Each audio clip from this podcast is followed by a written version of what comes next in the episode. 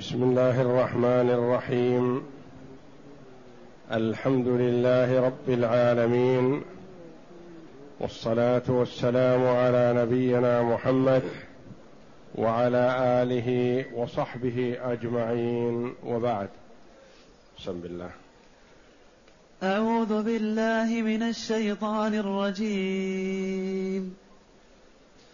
ويوم يحشرهم جميعا ثم يقول للملائكة أهؤلاء إياكم أهؤلاء إياكم كانوا يعبدون قالوا سبحانك أنت ولينا من دونهم بل كانوا يعبدون الجن أكثرهم بهم مؤمنون فاليوم لا يملك بعضكم لبعض نفعا ولا ضرا. ونقول للذين ظلموا ذوقوا عذاب النار التي كنتم بها تكذبون. في هذه الآيات الكريمة من سورة سبأ فيها تقريع وتوبيخ لمن يعبد غير الله جل وعلا. في ذلك المشهد العظيم يوم القيامة على رؤوس الملأ.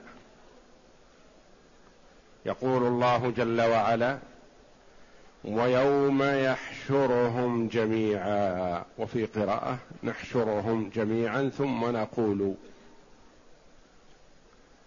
وفي آية سابقة يقول جل وعلا ولو ترى إذ الظالمون موقوفون عند ربهم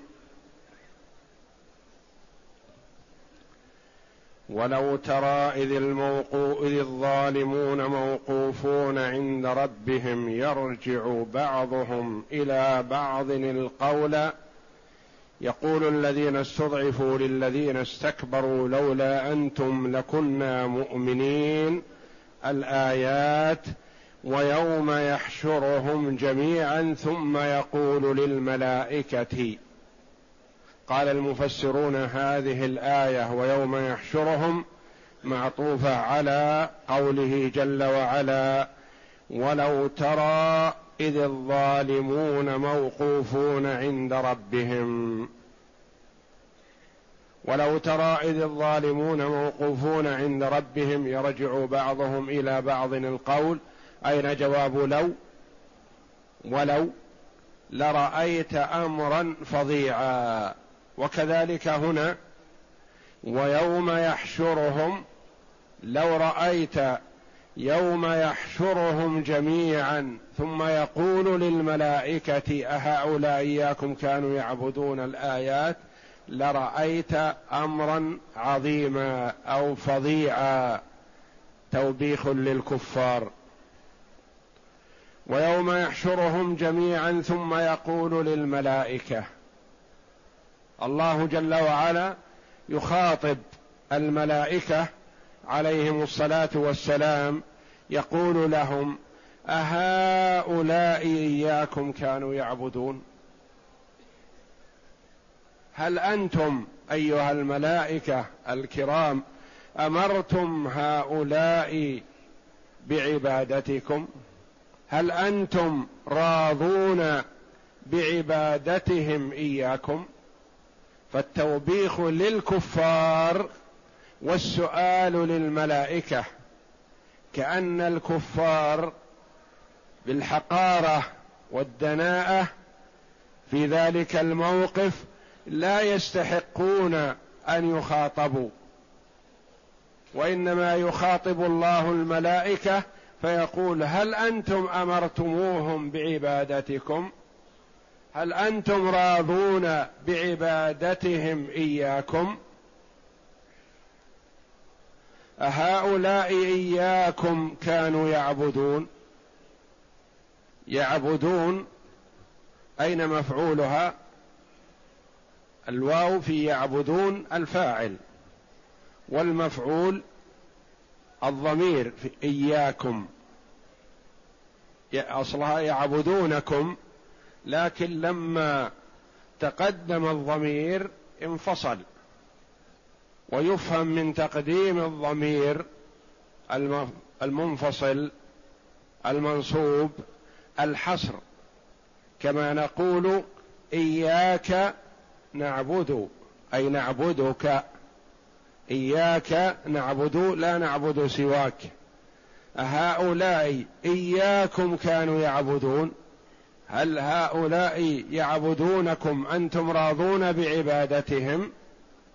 وكما يقول الله جل وعلا لعيسى ابن مريم على نبينا وعليه أفضل الصلاة والسلام أأنت قلت للناس اتخذوني وأمي إلهين من دون الله؟ قال سبحانك. ما قلت هذا القول ولا يمكن أن يصدر مني. والله جل وعلا يعلم أنه لم يقله لكن هذا فيه توبيخ للعابدين. توبيخ للكفار. أهؤلاء إياكم كانوا يعبدون. ماذا أجابت الملائكة؟ قالوا سبحانك. أول كلمة تنزيه الله جل وعلا وتقديسه. وتعظيمه من أن يعبد معه سواه. قالوا سبحانك. ما قالوا لا يا ربنا؟ اولا نزهوا ربهم جل وعلا عن أن يكون له شريك. قالوا سبحانك أنت ولينا من دونهم. نحن لا نتولى هؤلاء ولا نلتفت إليهم. فأنت الواحد الأحد أنت ولينا. أنت الذي نتوجه إليك وأنت الذي نعبدك وأنت الذي نخافك ونرجوك. أما هؤلاء فلا علم لنا بعبادتهم ولم نأمرهم بذلك وسيأتي أنهم لا يعبدون الملائكة حقيقة وإنما يعبدون الشياطين. قالوا سبحانك أنت ولينا. اولا نزهوا ربهم جل وعلا ثم برأوا أنفسهم من عبادة هؤلاء ثم تكلموا عن هؤلاء العابدين. أنت ولينا من دونهم. بل للإضراب كانوا يعبدون الجن. كانوا يعبدون الجن. يعبدون الشياطين.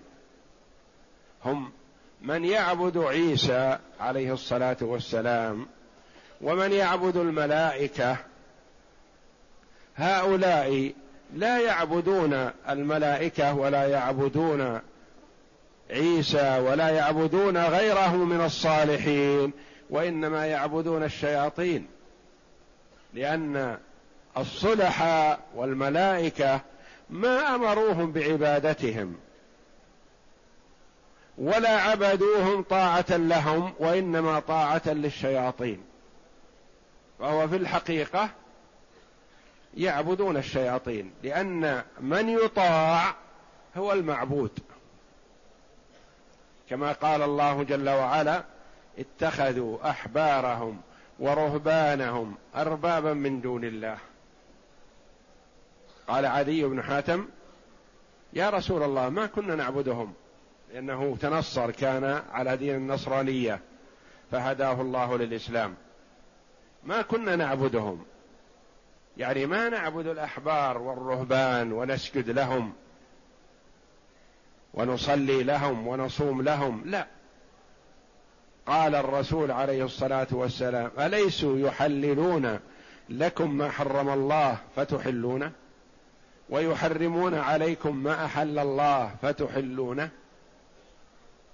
تحل يحللون لكم الحرام فتطيعونهم. ويحرمون عليكم الحلال فتطيعونهم. قال بلى. صح. كنا كذلك. قال فتلك عبادتهم.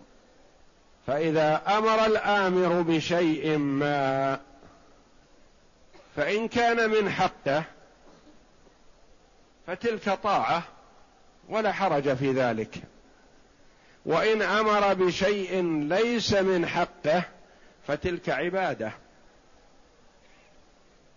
والعبادة لا تصلح لمخلوق بل كانوا يعبدون الجن.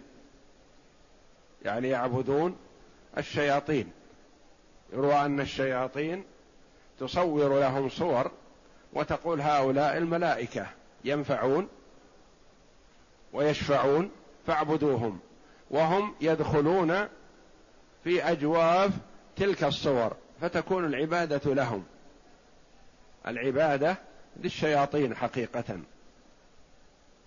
وذكر جمع من المفسرين رحمهم الله أن حيا يقال لهم بنو مليح من خزاعة كانوا يعبدون الجن ويزعمون أن الجن تتراءى لهم وأنهم ملائكة وأنهم بنات الله.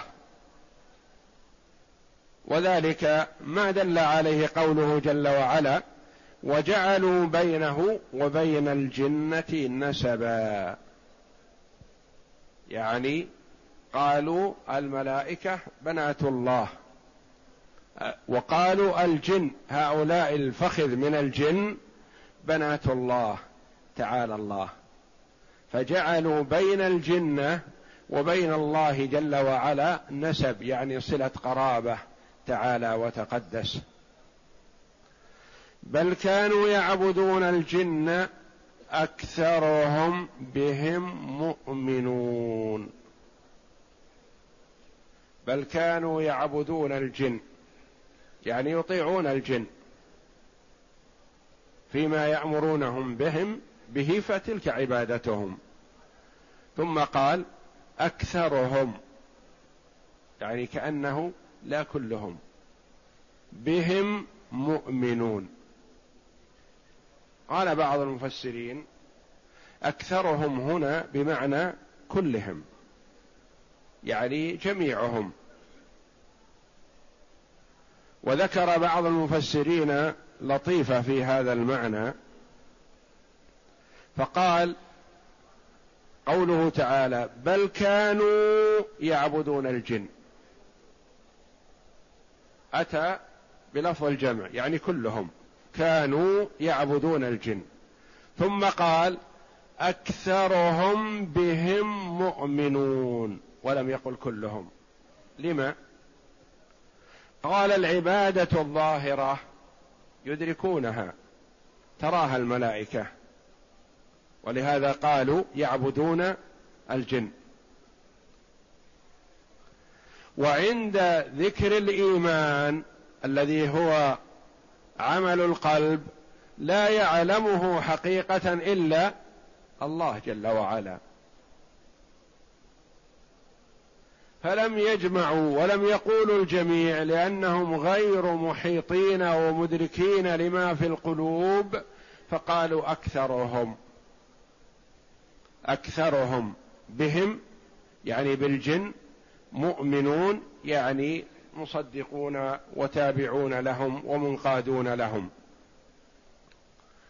ثم قال الله جل وعلا بعد أن وبخ الكفار وتبرأت الملائكة منهم وتقطعت الأسباب وندموا حين لا ينفع الندم وفقدوا المعين في أحلك وقت وأحوجه تبرأت منهم الملائكة وغيرهم والخطاب هذا في هذه الآية للملائكة وأتى لغيره في خطابه جل وعلا لعيسى بن مريم أنت قلت للناس اتخذوني وأمي إلهين من دون الله والذين عبدوا من دون الله كثير لكن هؤلاء يصلح أن يخاطبوا فيخاطبهم الله جل وعلا توبيخا للكفار. وأما كثير من المعبودات التي عبدت من دون الله فهي لا تصلح للخطاب إما أن تكون جمادات وإما أن تكون شياطين وإما أن تكون جن أو غير ذلك. قال الله جل وعلا فاليوم يوم القيامة لا يملك بعضكم لبعض نفعا ولا ضرا. يعني كل من عبد من دون الله جل وعلا لا يملك لغيره نفع لا يستطيع أن ينفعه كذلك لا يستطيع أن يضره لأن النفع والضر بيد الله جل وعلا. لا يملك بعضكم لا يملك المعبودون للعابدين نفعا ينفعونهم في ذلك الموقف ولا يملكون ضرا لا يستطيعون أن يضروهم.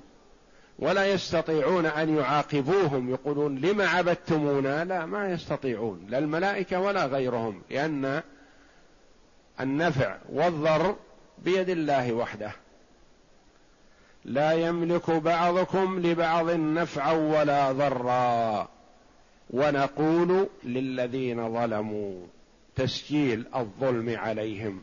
ولم يقل جل وعلا ونقول لهم ولئلا يدخل المسؤولون الذين هم الملائكة وإنما قال ونقول للذين ظلموا. الذين ظلموا أنفسهم بعبادة غير الله جل وعلا فالظلم محرم وأظلم الظلم الإشراك بالله جل وعلا. كما قال لقمان عليه السلام يا بني لا تشرك بالله إن الشرك لظلم عظيم. أظلم الظلم وأبشعه وأكبر الكبائر هو الإشراك بالله. لا أكبر منه ولا أعظم منه. ولغلبة الجهل في هذا الزمان نرى كثيرا ممن يدعي الإسلام يتنزه ويتحاشى عن السرقة. ويتحاشى عن شرب الخمر ويتحاشى عن الزنا ويبتعد عن المحرمات هذه ويقع فيما هو أعظم وافظع الذي هو الشرك. ويصلي ويصوم ويعبد غير الله. وما ذاك إلا لغلبة الجهل. وهؤلاء قد يكون أبو جهل وابو لهب افقه منهم واعقل منهم الذين يتوجهون إلى الاموات والى اصحاب الاضرحه ونحو ذلك هؤلاء وان قالوا لا اله الا الله بالسنتهم وصلوا وصاموا ابو لهب وابو جهل افقه منهم واعقل لأن ابو جهل وابو لهب ابوا ان يقولوا لا اله الا الله لانهم عرفوا معناها فما قالوها؟ قالوا أجعل الآلهة إلها واحدا إن هذا لشيء عجاب. ومن يتردد على الأضرحة ويسألها أمورا لا يقدر عليها إلا الله جاهل وأجهل من المشركين. مشرك وهو لا يدري. تجده يتوجه إلى الله جل وعلا في الصلاة فيصلي ويتوجه إلى الله جل وعلا بالصيام. ثم بعد هذا أو في أثناء هذا يتوجه إلى صاحب الضريح فيسأله. يسأله الشفاعة يسأله رد الغائب يسأله جبر الكسر ونحو ذلك. وهذه لا تسأل إلا من الله جل وعلا. ونقول للذين ظلموا ظلموا من؟ ظلموا أنفسهم وإلا فإنهم لا يستطيعون ظلم الله جل وعلا. والله جل وعلا لا تنفع طاعة المطيع ولا تضره معصية العاصي. والمشرك والظالم والجاهل والفاجر لا يضر إلا نفسه لا يضر الله شيئا. ونقول للذين ظلموا ذوقوا هم في النار. فيقال لهم هذا القول توبيخا. يعني مع وقوعهم في النار يقال لهم على سبيل التوبيخ واللوم ذوقوا عذاب النار. هذا عذاب النار التي كنتم بها في الدنيا تكذبون يقولون لا جنة ولا نار.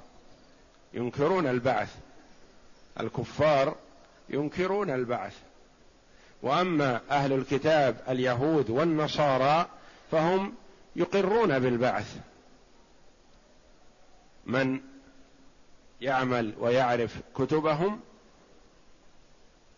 يقرون بالبعث وهؤلاء كفار بإنكارهم عموم رسالة محمد صلى الله عليه وسلم. اليهود والنصارى كفروا بكفرهم بمحمد صلى الله عليه وسلم. والمشركون كفروا بإنكارهم لتوحيد الألوهية وإنكارهم للبعث. ينكرون البعث وينكرون الجنة وينكرون النار ويقولون الموت هو النهاية. وكلمة المتداول عند كثير من الناس نقل فلان إلى مثواه الأخير. هذا هذا تعبير غير صحيح. ولا يصلح أن المسلم يقوله. لأن هذا المسكن والمقر الذي هو القبر ليس الأخير. الأخير الجنة والنار. وأما هذا مسكن البرزخ اللي بين الدنيا والآخرة. مسكن وسط هذا مرحلة بين منزلتين. وإنما هذه من الكلمات الوافدة الشائعة على الألسنة. وافدة ممن ينكر البعث يقولون خلاص انتهى هذا آخر مكان له الحفرة وليس كذلك. فيحسن التنبه لبعض الكلمات التي معناها غير صحيح وتدرج على كثير من الألسنة تقليدا ومتابعة لمن لا يؤمن بالبعث. ولا يدري كثير من الناس حينما يقول ذلك إن معنى هذا إنه لا بعث لأن هؤلاء الذين قالوها يعني أنه لا بعث ولا حساب ولا جنة ولا نار.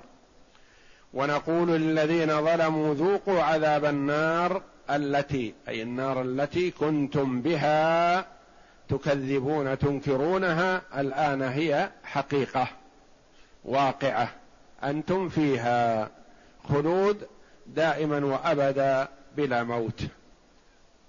والله جل وعلا يصور للعباد تلك المواقف ليتعظ بها من كان له قلب أو ألقى السمع وهو شهيد. لينتبه لها. يصورها جل وعلا لعباده كأنها رأي عين. هذا ما يقولون وهذا ما يقال لهم وهذا ما تقوله الملائكة. والمؤمن يؤمن بما جاء عن الله جل وعلا في كتابه العزيز أو عن رسوله صلى الله عليه وسلم ويجزم بذلك. وهو جل وهو عليه الصلاة والسلام من صفته أنه الصادق المصدوق أي لا يخبر إلا بصدق ولا ينقل إلا شيء صدق لأنه يخبر عن الله جل وعلا. فما أخبر به النبي صلى الله عليه وسلم فهو صدق لا محالة. فالله جل وعلا يصور تلك المواقف ويبين النزاع الذي يحصل بينهم قبل وقوعه ليتعظ بذلك من له قلب من يدرك يسلك سبيل النجاة لينجو مع الناجين. فإن أعطى نفسه هواها وتمنى على الله الأماني وأعرض عن طاعة الله هلك مع الهالكين والهالكون أكثر من الناجين يوم القيامة كما قال النبي صلى الله عليه وسلم بعث الجنة من كل ألف واحد وتسعمائة وتسعة وتسعون إلى النار فجأر الصحابة رضي الله عنهم بالبكاء خوفا من هذا الواحد فأخبر النبي صلى الله عليه وسلم عن كثرة الناس وخاصة ياجوج ومأجوج وكلهم إلى النار. فوعد النبي صلى الله عليه وسلم صحابته وأمته خيرا. والله أعلم وصلى الله وسلم وبارك على عبد ورسول نبينا محمد وعلى آله وصحبه أجمعين.